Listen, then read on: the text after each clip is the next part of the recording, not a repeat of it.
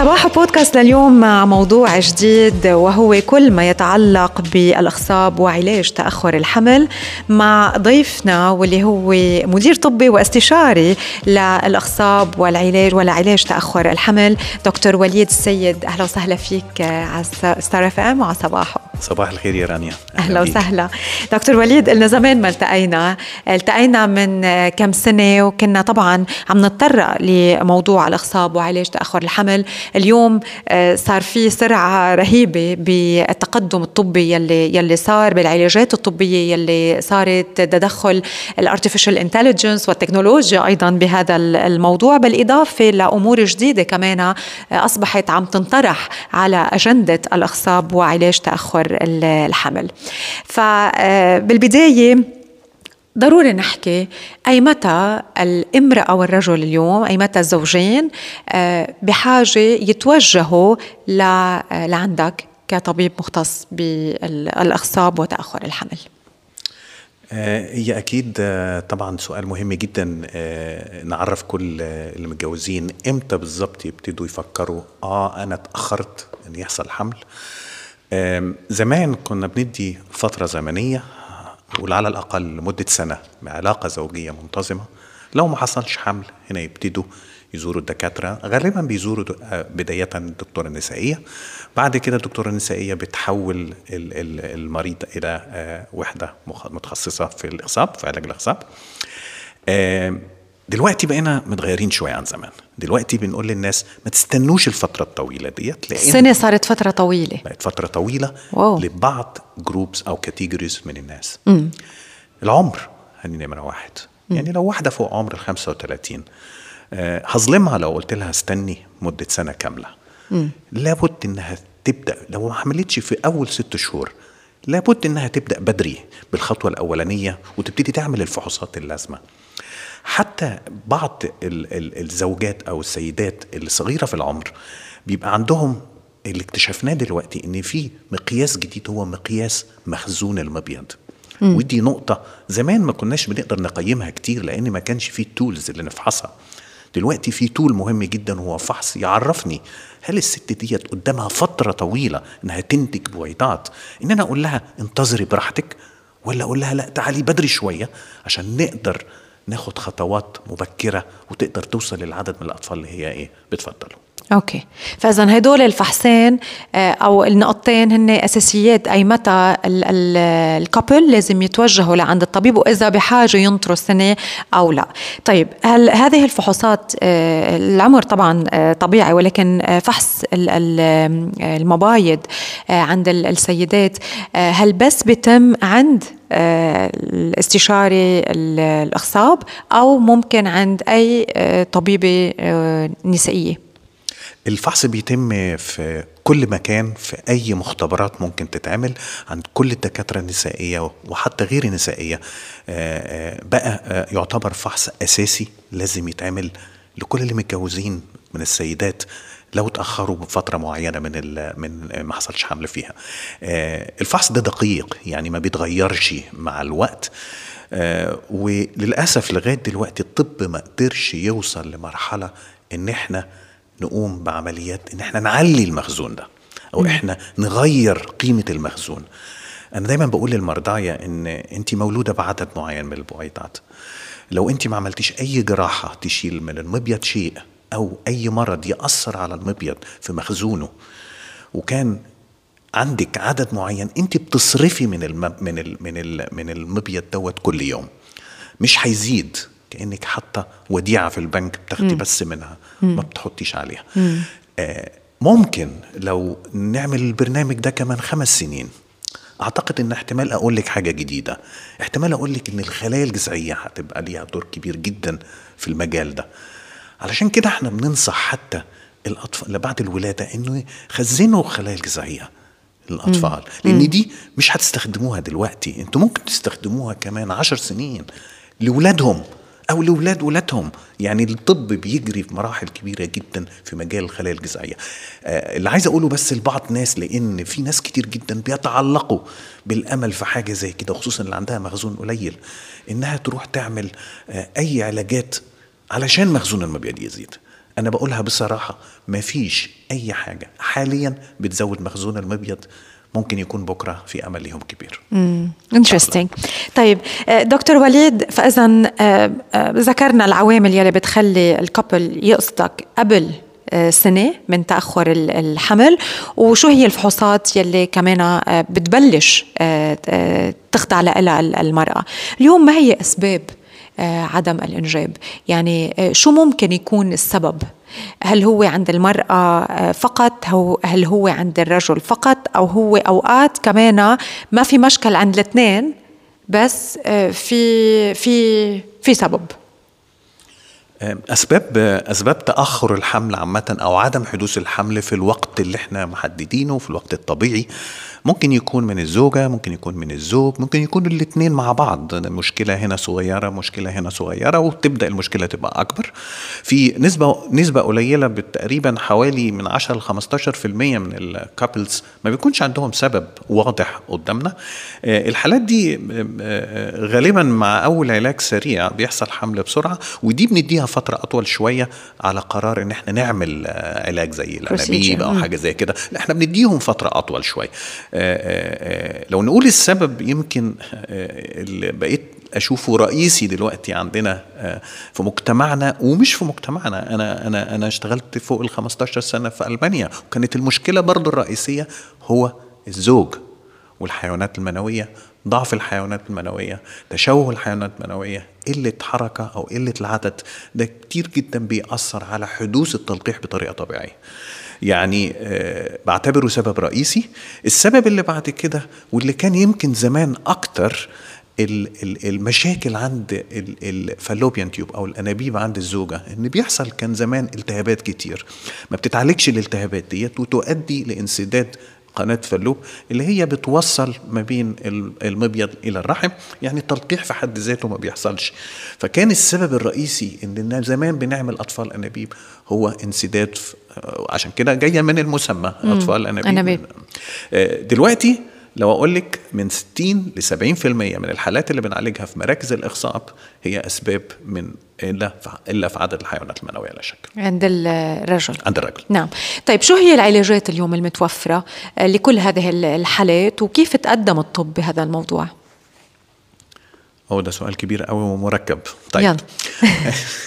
أم يعني أم لو مرت السنة وعملنا الفحوصات وابتدينا نشوف مشاكل أول مشكلة نقول نبدأ بالزوجة.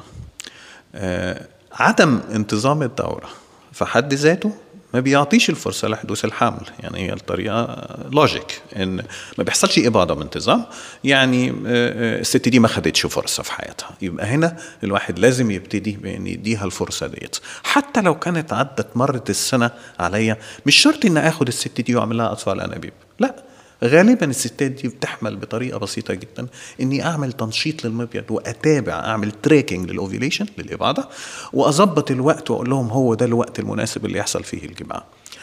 آه، نسبة كبيرة جدا من الستات اللي بتظهر لنا هي الستات اللي عندهم تأخر في الاباضه أو مشاكل في الاباضه هم اللي عندهم تكيس المبايض. وأعتقد المصطلح دوت معروف عند كل الناس إن المبيض ما بيخرج البويضة في الوقت المناسب. في بعض ناس عندهم تكيسات بيحصل لهم اباضه عشوائية.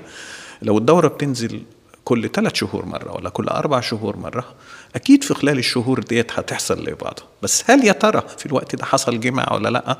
آه، هي هنا هنا اللي بيأخر حدوث الحمل في الطريقة طبعا غير مريضة أو زي آه، زوجة تكون عارفة وقتها إيه بالظبط وعارفة إن الوقت ده هو وقت الإباضة وبتظبط. فطبعا المظلومين هم اللي عندهم التكيسات ودول بيستفيدوا كتير من التنشيط. آه، بالنسبة للزوجة برضو زي ما ذكرنا قبل كده هو لو في مشاكل في فحص في الأنابيب نفسها وبنعرف المشكلة ديت عن طريق فحص يمكن معروف عند الستات كلها بنسميه فحص أشعة الصبغة ما بيحبوش يعملوا كتير لأنه شوية مؤلم آه بيعرفنا إن فعلا المشكلة إن في مشكلة هنا موجودة وفي وجود حالة زي كده طبعا لازم نتجه لأطفال الأنابيب لأن ما فيش مجال في الطريقة الطبيعية إن يحصل حمل. نعم. بالنسبة للزوج آه فاذا هول الثلاث أسباب الأساسية عند المرأة. بالضبط. okay. بالنسبة للزوج آه، آه، طبعا أي تغير في ال parameters أو في المقاييس بتاعة الحيوانات المنويه سواء عدد حركة تشوهات هنا الحيوان المنوي ده ما بيبقاش قادر يلقح البويضه بطريقة طبيعية. هنا لازم نعمل مساعدة عشان يحصل الإيه؟ التلقيح لأن من غير تلقيح مش هيبقى في جنين. آه لو الحيوانات المنويه ضعفها بسيط هنا ممكن إني أقدر أعمل تجهيز للعينة نفسها تحضير للعينة. وأخذ الحيوانات المنوية القوية السريعة وحقنها في الرحم وقت الإباضة. ودي يمكن آه، ناس كتير بيسموه التلقيح الصناعي. يمكن مسماه مش صحيح انه هو فقط حقن الحيوانات المنوية داخل الرحم في وقت الإباضة. ده بيدي فرصة كويسة جدا ساعات بتتخطى ال 20% عند حالات اللي هي آه، آه، ضعف بسيط في الحيوانات المنوية لو العدد قليل شوية والحركة بسيطة ليميتد يعني. لكن لو العدد والحركة فعلا متأثرين أعداد أقل من 10 مليون في الملي مثلا. آه الحيوان المنوي ما بيبقاش قادر إنه لوحده يلقح. طبعا مش مستحيل. آه بنشوف حالات كل يوم آه في طريقة طبيعية بتحمل بعدد أقل من كده. لكن طبيا ده بيبقى صعب كتير إن يحصل حمل. هنا لازم نتجه لحقن الحيوانان الحيوان المنوي داخل البويضة. يعني لابد إن إحنا نعمل تنشيط للمبيض ونعمل سحب للبويضات ونحقن الحيوان المنوي داخل البويضة وبعدين نرجعه تاني داخل الرحم كجنين. وده بنسميه أطفال أنابيب بتقنية الحقن المجهري. نعم. ويمكن هي دي اللي يمكن رأيي أنا هي الدرجة دلوقتي. يعني تقريبا 80 ل 90% من الحالات اللي بتتعمل في مراكز الاخصاب في العالم كله هي بتتم عن طريق الحقن المجهري. نعم. دكتور وليد يعني عم تحكينا 1 plus 1 equal 2 بكل سهولة وإنه آه، okay في هيدا المشكلة في هيدا العلاج في هيدا المشكلة في هيدا العلاج في هيدا المشكلة في هيدا العلاج.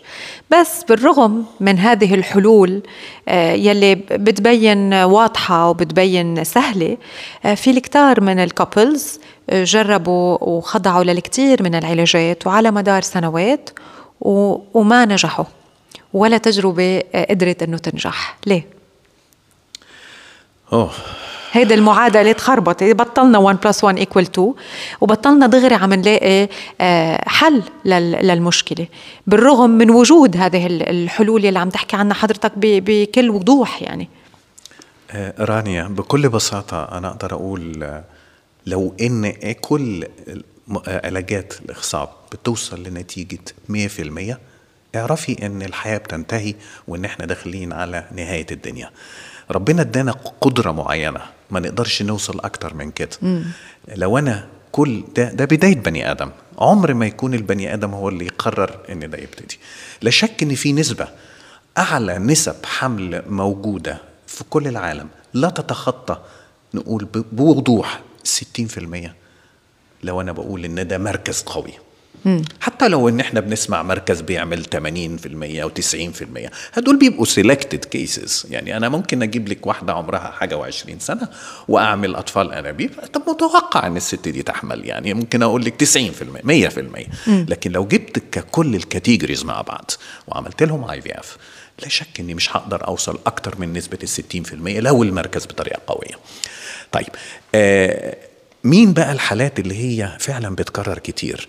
لا شك إن الحالات دي بيبقى دايما عندها حاجة بيبقى في مشكلة مستخبية. هنا وظيفة الطبيب أو وظيفة المركز إنه يبحث ورا الحالات دي بالذات ويعتبرها حالات خاصة.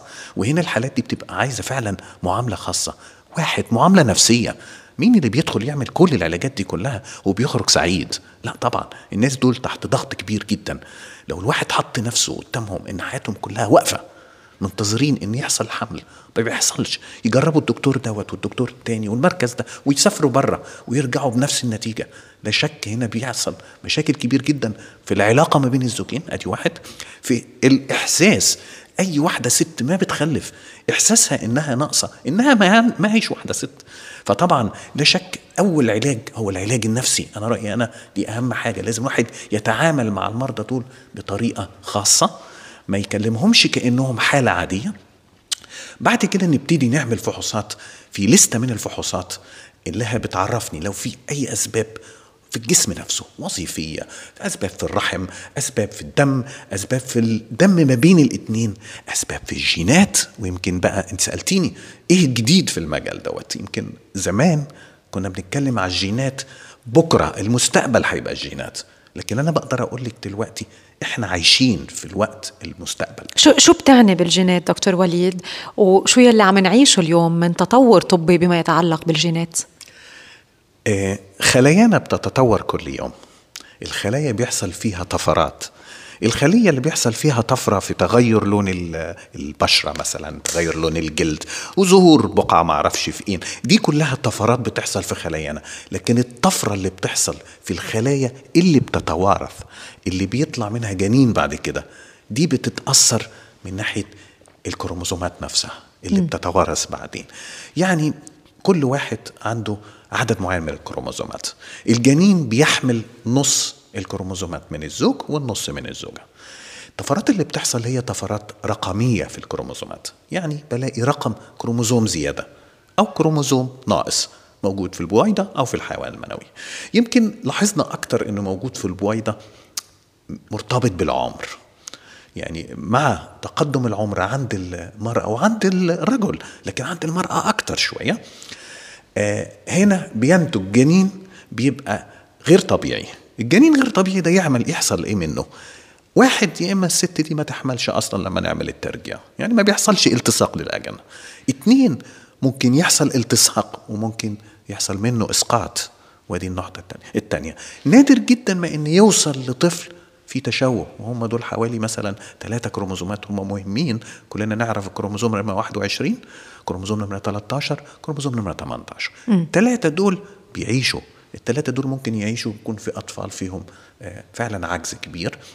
آه، ودول الثلاثة chromosomes بيتفحصوا في كل آه، الأجنة اللي إحنا بنعمل لها فحص وراثي قبل الإرجاع.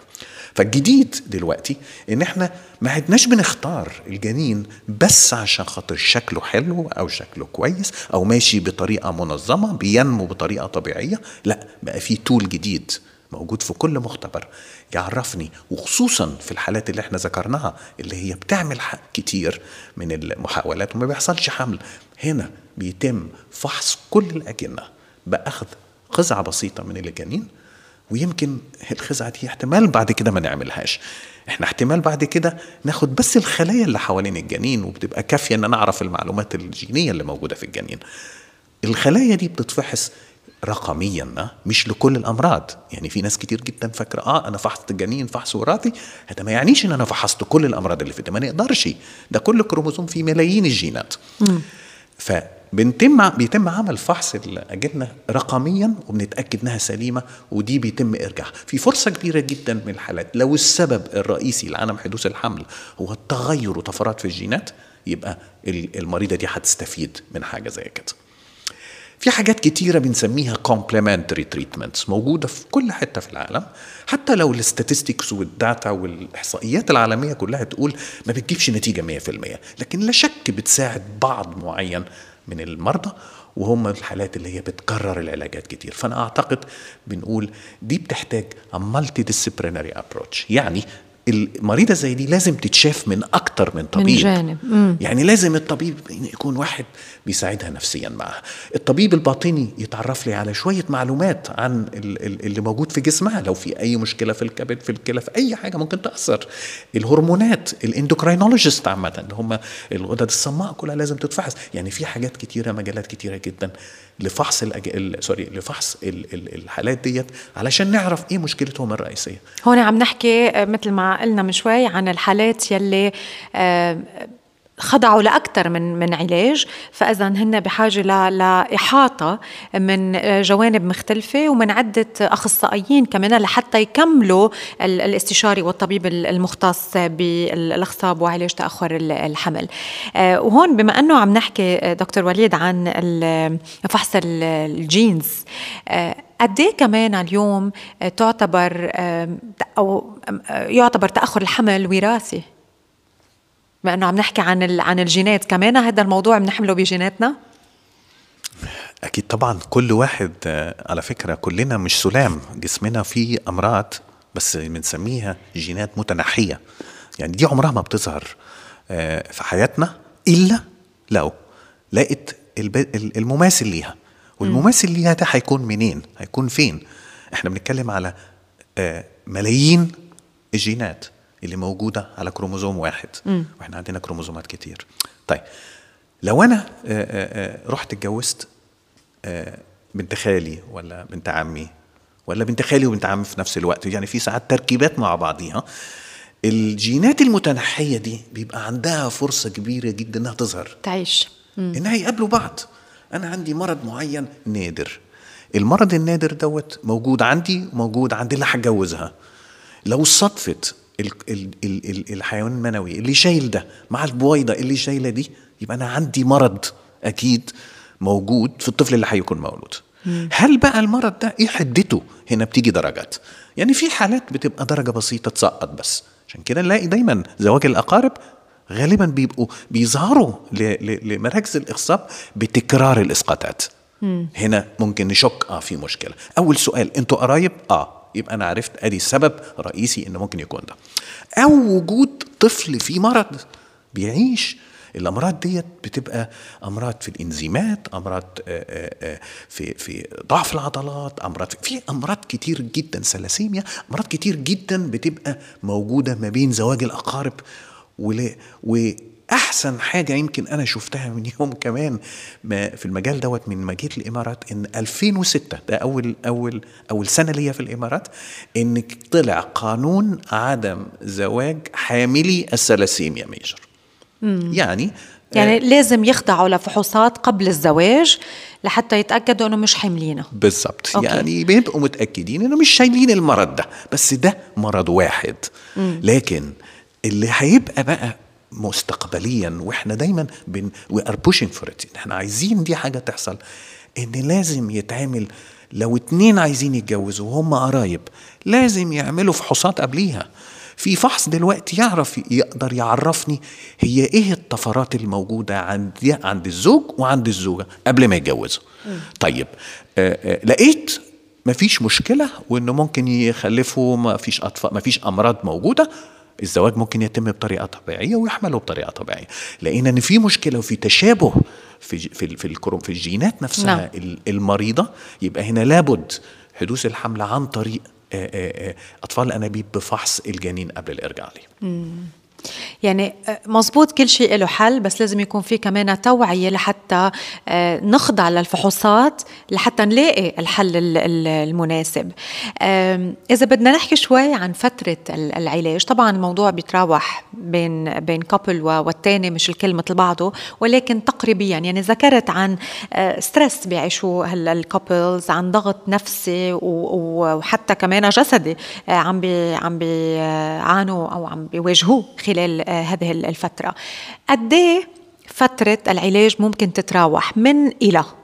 وأي متى نستسلم؟ صعبة قوي نستسلم دي. لكن م.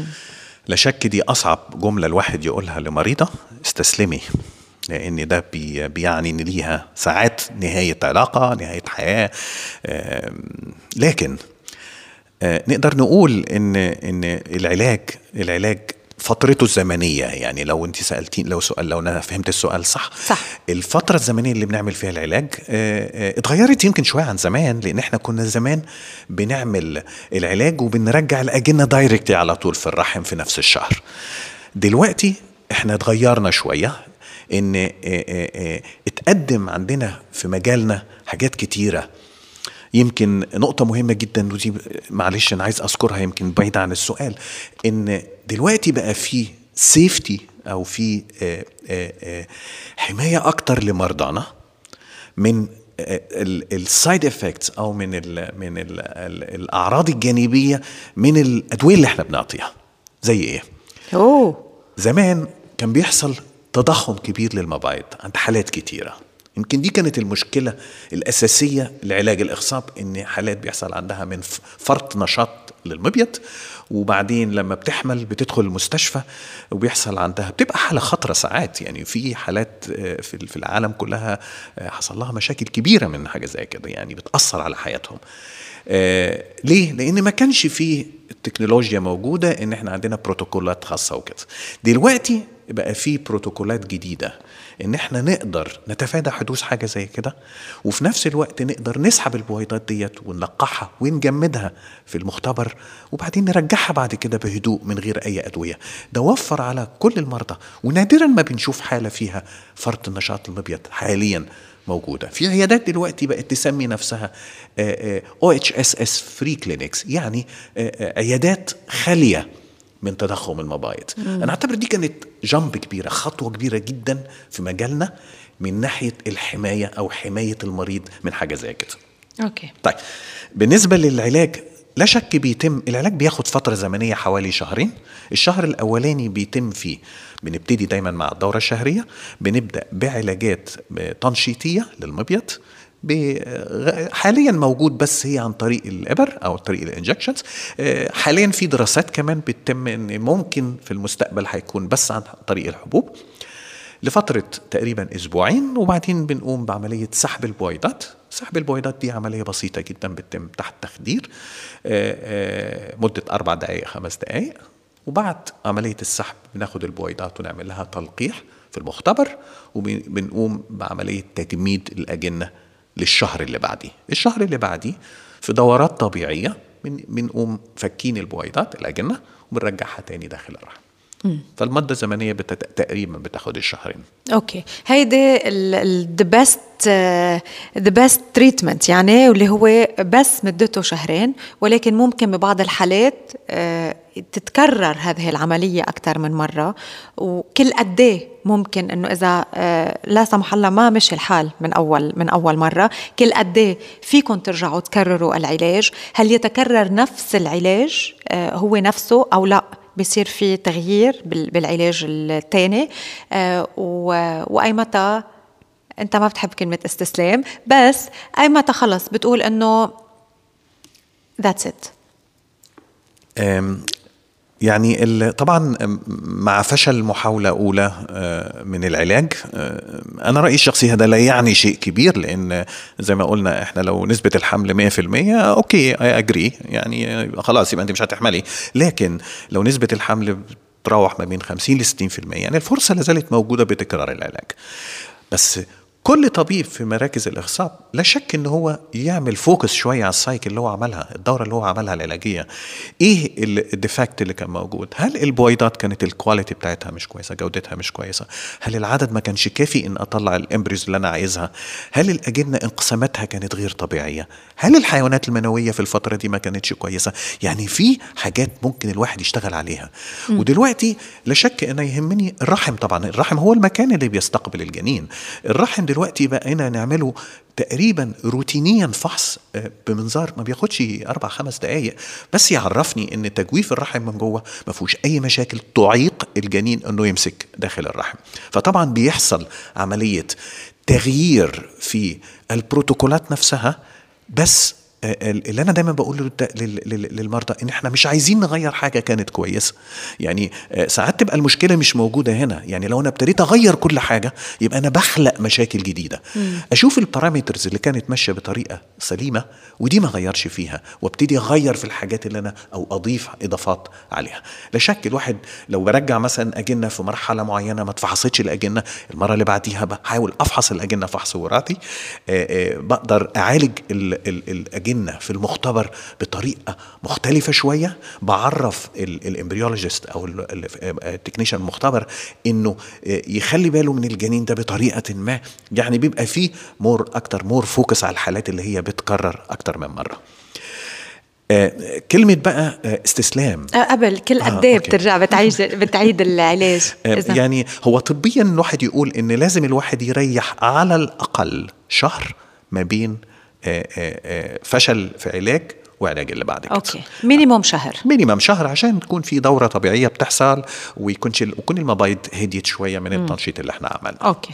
أوكي. هلأ انطلق أنا ابدا بالعكس. آه، بس يعني أكيد اليوم آه، نحن في كتير ناس بنعرفهم آه، في كتير ناس بنسمع قصصهم وأكيد الله لا يحرم حدا من من نعمة الاولاد ببيته. بس أوقات كمان في ستريس يعني في ستريس من لا لا يقبل وبيقتل العايش هو وعايش. فكمان اليوم واحد آه، أوقات كثيره آه، في نعم لازم نركز عليها لما بيكون في نقص موجود بحياتنا. نركز على الأشياء الثانية بدل ما بس نضل منصبين على ما ينقصنا. مشان هيك هون عم يعني نعطي من من الضعف أمل آه، كمان إنه اليوم آه، أوكي اي متى أنا لازم أفهم أو آه، أعرف شو هي المشكلة وما ضلني عم بحارب حالي وما ضلني عم بحارب جسمي وعلاقتي كمان مع مع الزوج أو أو هو مع مرته أو ما إليه. أنا اللي أنا عايز أقوله لك إن أنا يمكن كلمة استسلام ديت أنا شخصيا ما بحبش أظهرها بالنسبة لي قدام مرضايا. اللي أنا شايف فيهم أمل أو عندهم فرصة إن هم يحملوا حتى ولو كانت الفرصة ديت قليلة. هدول يستحقوا إن إحنا برضو حتى الفرصة القليلة ديت إن إحنا نعمل لهم سبورت عليها. يعني أنا مش عايز أقول الكلمة دي بس في, بعض حالات بتترفض من مراكز لأن دلوقتي آه, أنا عايز المركز بتاعي نسب الحمل بتاعتي تكون وصلت لدرجة معينة آه حالات زي كده هتقلل لي فرصة الحمل. أعتقد إن المرضى دول محتاجين مننا يمكن تركيز أكتر وإن إحنا نساعدهم في حاجة زي كده. آه آه أنا شفت في حياتي حالات كانت شبه مستحيلة. إن يحصل حمل وحصل حمل وخلفوا أطفال طبيعيين. فكلمة آه، ان أنا أقول للمريضة ستوب إمتى؟ لو الست دي ما بتطلعش بويضات خالص يبقى ما في hope ما في آه، آه، مجال الطبي في مجتمعنا مش موجود إن إحنا نقدر نساعدها إنها تحمل. م. يمكن في مجتمعات آه، الأوروبية أو بره ان ممكن يستفيدوا دوت من حاجة بنسميها ال egg donation ياخدوا بويضة من حد تاني وهي دي حاجة دينيا و culture وفي مجتمعنا مش مقبولة. حالات اللي ما بيحصلش فيها تلقيح للبويضات أكتر من مرة. ومن دون سبب. غالبا الكابلز دول بيكونوا كرروا العلاجات في أماكن كتيرة وبرضه بتوصل لنفس الفشل. هنا بيبقى في مشكلة غالبا تبقى مشكلة يا إما جينية يا إما مشكلة إنزيمية. الحاجات دي بتخلي البويضه غير قابلة للتلقيح. رحم. نرجع نقول برضو كلمة رحم لأن ممكن يكون عندي أجنة كويسة ممتازة والمريضة صغيرة في العمر لكن الرحم في مشكلة كبيرة. في حاجة بنسميها ال Asherman syndrome. ده عبارة عن التصاق بطانة الرحم الداخلية. يعني الرحم ما بيكونش بطانة رحم جديد. دي غالبا بتبقى من تكرار عملية آه، الإسقاطات وعمليات تنظيف الرحم إن ساعات بيلتصق الرحم داخل آه، في الداخل وما بيقدرش يكون مكان إنه يستقبل فيه الجنين. دي من الحالات اللي very difficult صعبة جدا نعالجها محتاجة وقت طويل. في بعض حالات منها بتاع بيحصل منها حمل آه، دي برضو في مجتمعنا مش مقبولة إن إحنا نعمل حاجة بنسميها surrogacy اللي هي إن الجنين بتاعها أم تانية تشيله وده خارج ال ال ال في أوروبا أو في بلاد آسيا بيعملوها كتير آه، برضو ما بنقدر نعمل offer فدي حالتين مهمين جدا إن أنا أقدر أقول للمريضة أنا آسف إن أنا ما هقدرش أعمل support أوكي. طيب آه، دكتور وليد آه، خلينا نضطر ل موضوعين ذكرتهم خلال خلال الحديث. آه، منهم متعلقين مباشرة بالأخصاب ولكن طبعا آه، بيأثروا على الموضوع واللي هو بداية تكيس المبايض آه، واللي هو بيلعب دور كتير كبير بتأخير الحمل. ما هو تكيس المبايض؟ هل هنالك أسباب واضحة لتكيس المبايض؟ وكيف بيتم العلاج؟ إذا في علاج. هو تكاسل المبيض طبعا دي حاجة الناس كلها تعرفها يعني يمكن كل الستات يعرفوا يعني إيه تكيسات يعني إيه تكيسات. آه، بس اللي ما يعرفوهوش إن إن إن التكيسات دي درجات. يعني ما فيش واحدة آه عندها تكيس والتانية ما عندهاش تكيس. وبرده في نقطة مهمة جدا ما فيش تكيس أنا خدت دواء دكتور الشهر ده الشهر اللي بعد كده التكيس راح.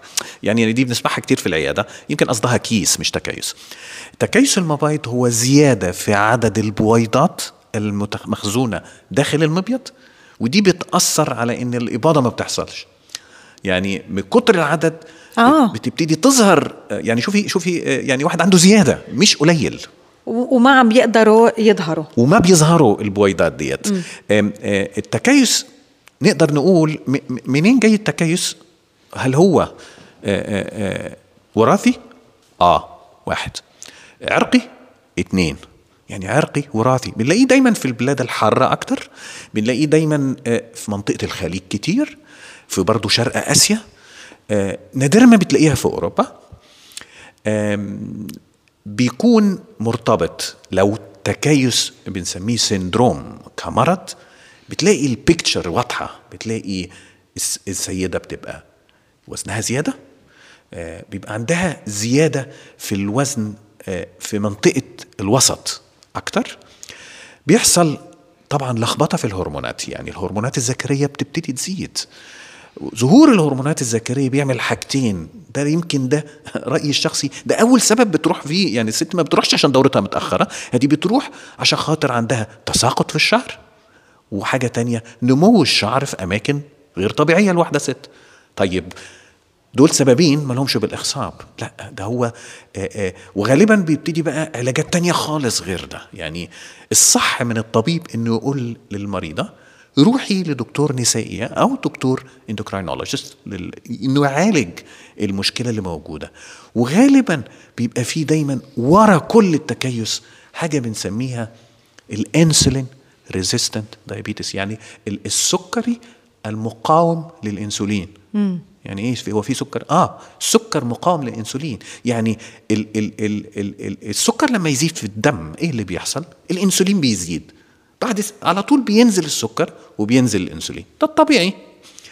الحالات دي لأ الحالات دي السكر بيبقى زايد الإنسولين يرتفع السكر ما ينزلش. طب الإنسولين اللي موجود في الدم ده بيروح يعمل إيه؟ بيروح يدور على حتة تانية يشتغل فيها. فلقوا إنه بيروح يشتغل على خلايا المبيض. واو. ويطلع الهرمونات مش أكتر معقول الجسم. ال- الهرمون ده ما- لقوش وظيفة. ال- ال end ال end أو ال goal target بتاعه هو موجود في خلايا عشان يقلل السكر. لا ما لقاش حاجة. فبيبتدي يشتغل في حتة تانية. وبيسوق حكاية التكيس. يعني ده يسوق. ويبتدي التكيس يسوق الموضوع أكتر. وتفضل الدايرة ماشية. طب علاجنا فين؟ وده اللي بيزعل بقى كل واحدة أقول لها لازم وزنك يقل. ما فيش واحدة ست بتحب تسمع الكلمة دي. هي واحدة بتقرر بس ما حدا يقلها بس ده صح. بس هو ده فعلا الحل الأساسي. الأول this is the first line. قبل ما تروحي للدكتور وال- ولا أمثلة كتير تقول لك أنا أنا خسيت في الوزن. دورتي انتظمت يا دكتور شفت؟ طبعا. ما هو ده مرتبط بده. غير بقى ما إني أروح آخد علاجات. في بعض حالات طبعا محتاجة إن أنا أدي علاجات. وهنا بقى بنبتدي آه، ننظم الهرمونات الذكرية وبنبتدي برضو لا شك إن إحنا نحاول. زمان كنا بنعمل جراحات لحاجة زي كده. بس دي طبعا تعتبر دلوقتي كرايمز ما حدش بيعملها لأنها بتقلل من مخزون المبايض. آه، آه، إن إحنا بنعمل حاجة بنسميها تثقيب المبايض. لو تسمع الكلمة ديت كانت بالمنظار بتتعمل. لكن للأسف كانت بتقلل في المخزون وكانت بتعمل التصاقات كتير في البطن وبت وساعات بتؤدي لمشاكل في في, في الاخصاب في المستقبل. فطبعا ال- ال- التكيس المبايض مش كلمة التكيس المبايض دي حاجات كتيرة وحاجات مرتبطة بحاجات مع بعضيها. يعني علشان أعالج حاجة زي كده أرجع أقول لازم تتشاف من كل الزوايا بس المفتاح في إيد الزوجة. okay. okay شكرا لكل هذه ال- المعلومات يلي ذكرتها عن عن هذا الموضوع.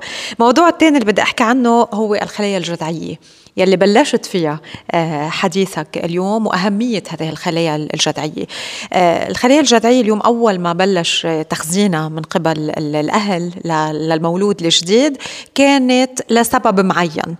بعد مرور السنين صارت الأسباب عم بتزيد وصار في دراسات عم تكشف إنه لا عم بيتم تخزينها لوقت أطول آه، عم بيستخد عم يتم استخدامها لمعالجة أمراض أكثر وين وصلنا اليوم باستخدام الخلايا الجذعية؟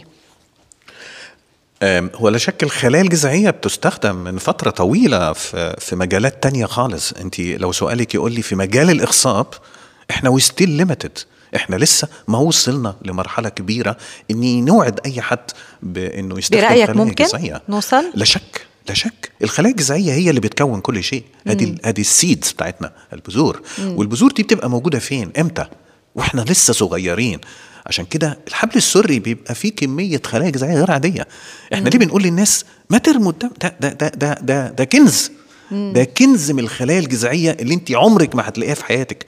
إحنا دلوقتي ما عندنا خلايا جذعية إلا حاجات بسيطة آه، بنقدر ناخدها ونكسر فيها بس نقطة واحدة من من من من, من الحبل السري ممكن تكفي آه، بعد كده للمستقبل. الخلايا الجذعيه استخدمت في في مجالات زي أمراض الدم الثلاسيميا آه، السكري في القلب في السكر في البشرة في علاجات. يعني في دخلت في مجالات كتيرة جدا لكن لو أنا بتكلم على الإخصاب دلوقتي في دراسات ماشية كتير جدا على حقن الخلايا الجذعية في المبيض. عشان يقدر يزود مخزون المبايض اللي إحنا اتكلمنا عنه في البداية إن إحنا لغاية دلوقتي مش قادرين. بس بعدنا دراسات. بعدها دراسات. الفكرة إنها أصلها خلايا حساسة جدا. دي خلايا إحنا بنورثها بعد كده. فلسه آه، الناس قلقانة من من نقطة إن أنا أكون خلايا جذعية آه، أخلي خلايا جذعية دي تطلع بويضات أو تطلع حيوانات منوية. لأن نفس المشكلة على فكرة في الرجالة. ما في رجالة ما عندهمش حيوانات منوية خالص.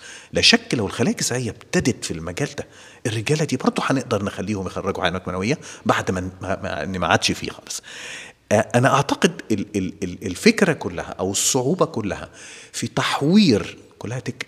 بيشتغل ده كله في المختبر في تحوير الخلايا ديت خارج الجسم إن إزاي تكون خلايا مبيض.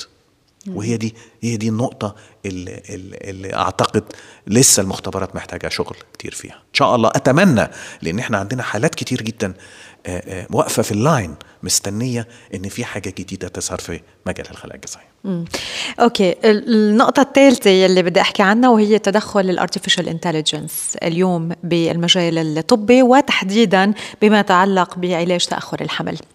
وين عم تدخل التكنولوجيا؟ وين عم يدخل ال artificial intelligence بهذا الموضوع؟ وهون بدي أذكر كمان إنه آه، مش من زمان كان في سمت أو مؤتمر بأبو ظبي آه، عالج العديد من المواضيع المتعلقة بعلاج تأخر الحمل. ف آه، لشو تطرقتوا وما هي دور ما هو دور التكنولوجيا اليوم؟ artificial intelligence. يس yes. طبعا ده طب المستقبل أعتقد أو يمكن بدأنا فيه. أنا أعتقد هو خطوة مهمة طبعا لا شك لكن أرجع أقول برضو artificial intelligence هو كمبيوتر يعني أنا بحط له inputs يعني مين اللي بيعمله؟ هو ما بيشتغلش لوحده. مم. أنا اللي بحط ال data inside أنا أنا هقول له لو لقيت كذا اعمل كذا. لو لقيت كذا اعمل كذا. لسه في تدخل البني آدم. عمر ما ال intelligence هيبقى لوحده. طيب ينفعني أنا في إيه؟ حاليا في incubator بمساعدة ال artificial intelligence يعرفني تختار أي جنين ترجعه. آه. تمام؟ هو بيشوف مقاييس معينة على حسب سرعة النمو على حسب الانقسامات بطريقة منظمة على حسب شكل الجنين على حسب بعد كده لما نديله data إن الجنين ده مفحوص كويس وطلع كويس. يعني بيقدر يعمل لي tracking لجنين ويقول لي هو ده. يمكن experienced uh, uh, الناس اللي هم عندهم خبرة في المختبرات هيقول لك هو ده بس ده هيسهل في المستقبل ولو اعتمدنا عليه لا شك هنوفر كتير جدا من إيه من إن إحنا ندفع salaries للي بيشتغلوا معانا. لا ما بدنا هيك. هلا ال artificial intelligence يعني وصلت وبالطب بالتحديد يعني بتذكر وقتها طبعا اليوم موجود الكثير من من ال من ال الأفكار يلي صارت عم تطبق بمجالات بمجالات مختلفة آه، حتى آه، كانت باكسبو آه، بالعديد من الدول فرجوا كيف اليوم الطبيب بمكان عم بيعمل عملية لشخص كأنه موجود معه وهو مش موجود بداخل غرفة العمليات الروبوت هو اللي عم بيعمل العملية plus عم بينعمل scan للجسم كيف هيدا الشخص رح بصير بعد العملية. wow. يعني scary it is it is scary. ومن جهة تانية بمجال الطب بالتحديد بتقول إنه إنه wow وين عم نصير؟ يعني ولوين ممكن نوصل بهذا الموضوع؟ بكرة آه يا ممكن يحصل حاجات كتيرة جدا آه إحنا حاليا آه مش متخيلينها ودايما أي حاجة جديدة إحنا دايما بنشوفها إنها مش معقول إنها تحصل. بس أنا اكد لك إن ال artificial intelligence وال robotics وكل حاجات من دي مستقبليا هتكون ليها مكان كبير جدا في حياتنا مش بس في الطب في حاجات كل شيء طبعا طبعا. آه المؤتمر يلي صار بابو ظبي وانحكى في حول آه علاج تأخر الحمل وكان طبعا آه جمع العديد من الأخصائيين. فينا هيك ناخذ بس مقتطفات منه ما هي أبرز المواضيع يلي آه تم التطرق آه لها آه، آه، لا شك إن الواحد بيتشرف كتير جدا بالمؤتمر الطبي ل Health Plus للاخصاب آه، ده كانت النسخة نمرة أربعة. وإحنا كنا الحمد لله كنا متميزين في إن إحنا بنختار مواضيع العصر. مش حاجة أتكلم على حاجة بتاعت المس... في قبل كده حصلت وإيه اللي إحنا استفدنا. لا إيه المشاكل بتاعتنا حاليا؟ وإيه الحاجات اللي إحنا ممكن نعالجها؟ و أهم حاجة في المؤتمرات رأيي الشخصي إن يحصل نقاش. م. لأن بالنقاش هقدر أوصل لمعلومات جديدة وأقدر to gain experience يعني so هون هون بدنا نعرف نحن شو هي أبرز النقاشات يلي آه، تم التطرق لها مع وجود أخصائيين يعني محليين وعالميين كانوا موجودين آه، بدبي في هذا في هذا المؤتمر.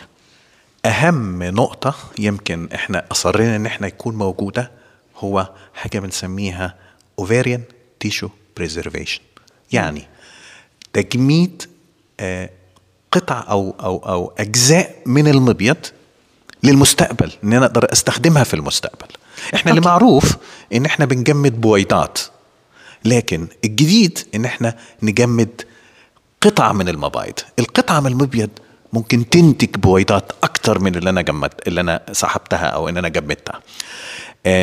الصعوبة في الحكاية دي يعني هي الفكرة أي دكتور هيقول لك ما سهل إن أنا آخد قطعة من المبيض بالمنظار يعني هي العملية بتتم بمنظار البطن وبناخد قطعة من من المبيض.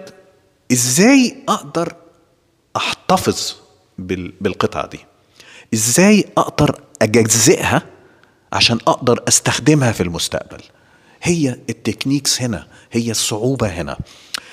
الفكرة إن أنا لو قدرت أجمد القطع من المبايض دي ممكن أستخدمها في حاجات كتيرة مش بس إخصاب. طبعا لا شك الإخصاب هو الأساس في الأول.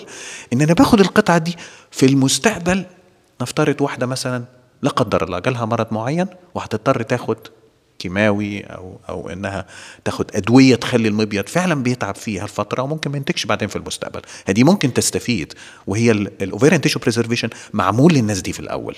والله برضو في واحدة تانية جات لي عمرها 30 ومش عايزة تتجوز أو عندها ظروف معينة عايزة تتجوز كمان 10 سنين. وبتفكر في المستقبل إنها تحمل في المستقبل ممكن تستفيد بحاجة زي كده. آه خلينا هون توقف قول أي عمر هو الأنسب لتجميد؟ آه هلا عم نحكي مش بس بويضات عم نحكي آه جزء من المبيض صح؟ صح. صح إيه. آه أي متى هو العمر الأنسب؟ بهذا الموضوع هو طبعا العمر الأنسب كل ما كانت الست صغيرة في العمر كل ما كان أنسب مم. لكن آه، لا شك آه، دايما عمر ال 35 ده عمر مميز يعني من بعديه بيبتدي الكيرف ينزل شوية بتبتدي العدد يقل الكواليتي تقل فطبعا لو الست جت من الخمسة من ال 35 فيما تحت طبعا أفضل إن الواحد يقدر ياخد كمية كافية من البويضات إنها تنفعني بعد كده في المستقبل. مم. بيتم تجميدهم آه، لفترة معينة أو لا خلص. فريزر القانون هنا في الإمارات بيحس إن إحنا نجمد لمدة خمس سنوات. مع احتياج الخلايا دي في أكتر من خمس سنوات بنقدم إحنا خطاب للهيئة الصحة ونقول لهم عايزين نمد كمان لفترة خمس سنوات. فالمسمح المسموح به فترتين كل فترة خمس سنوات. خمس سنوات. أه وين بيتم تجميدهم؟ بيتم تجميدهم في المختبرات الإخصاب عندنا. آه، وبتبقى موجودة في الناس بتبقى فاكرة هي هتبقى موجودة فين. مش في الثلاجه لأ هي موجودة في في ال tanks في في اسطوانات. الاسطوانة مملوءة بمية النيتروجين. مية النيتروجين دي آه، آه، بتحتفظ بتوصل لدرجة الحرارة ل minus 197 أو أو 200 تقريبا. آه، آه، في الفترة دي درجة الحرارة دي كل ال activities بتاعة الخلايا بتتوقف فجأة. وطول ما إن في ال tank موجود ال water نيتروجين الخلايا ديت ما بيحصلهاش release أو ما بتتفكش يعني. أول ما أنا بقرر إن أنا عايز آه، أفكها هنا بقوم جاي واخد الخلية خارج ال- ال- المية وبسيبها إنها تفك بطريقة طبيعية. okay. طيب دكتور وليد آه اليوم طبعا آه كمان في حالات لتجميد ال- البويضات آه كمان هي عند ال- السيدات يلي مثلا عم يخضعوا لعلاج معين وممكن هذا الموضوع يأثر عليهم. طبيا هن بحاجة لتجميد البويضات لاستخدامهم بالمستقبل صح؟ تمام. يعني يمكن هو ده ال ال ال السبب الرئيسي أو السبب الأول إن إحنا الناس ابتدت تسعى ليه اجمد بويضات يعني مش مش social reasons لأ medical reasons ال medical reason نفترض مثلا أنا عندي آه، آه، واحدة هتاخد كيماوي وبيبقى دايما القرار سريع. يعني أنا تجي لي المريضة تقول لي أنا آه، فاضل لي شهر أو شهرين فأنا محت... عندي في خلال الشهر ده إن أنا لازم أتصرف. هل بقى أتجه لسحب بويضات بالتنشيط أو أن أتجه ل... ل... لأخذ عينة من المبيض قبليها؟ لا شك الست دي هتبقى فعلا هتستفيد من ال- اللي إحنا عملناه اللي إحنا عملنا لها تجميد بالنسبة للخلايا في المستقبل.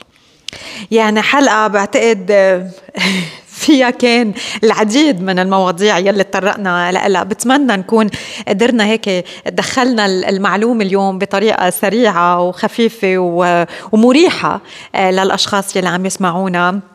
نحن بنتمنى إنه ال- الكل اليوم ما يواجه أي مشكلة بإنه يكبر آه، عائلته أو تكبر آه، عائلتها ويلاقوا الحلول السريعة بوجود طبعا أطباء أخصائيين. شكرا لوجودك معنا دكتور وليد السيد استشاري آه، الأخصاب وعلاج تأخر الحمل. أهلا وسهلا فيك. شكرا يا رانيا على ذوقك وأنا وسهلا. ببقى سعيد لما ببقى في البرنامج بتاعي. أهلا وسهلا فيك. شكرا. شكرا. دسمة يعني انت سالتي كل حاجة تقريبا آه. بس قلت له 45 minutes قال لي شو ما نحكي فيها ما شاء الله عليك قطعه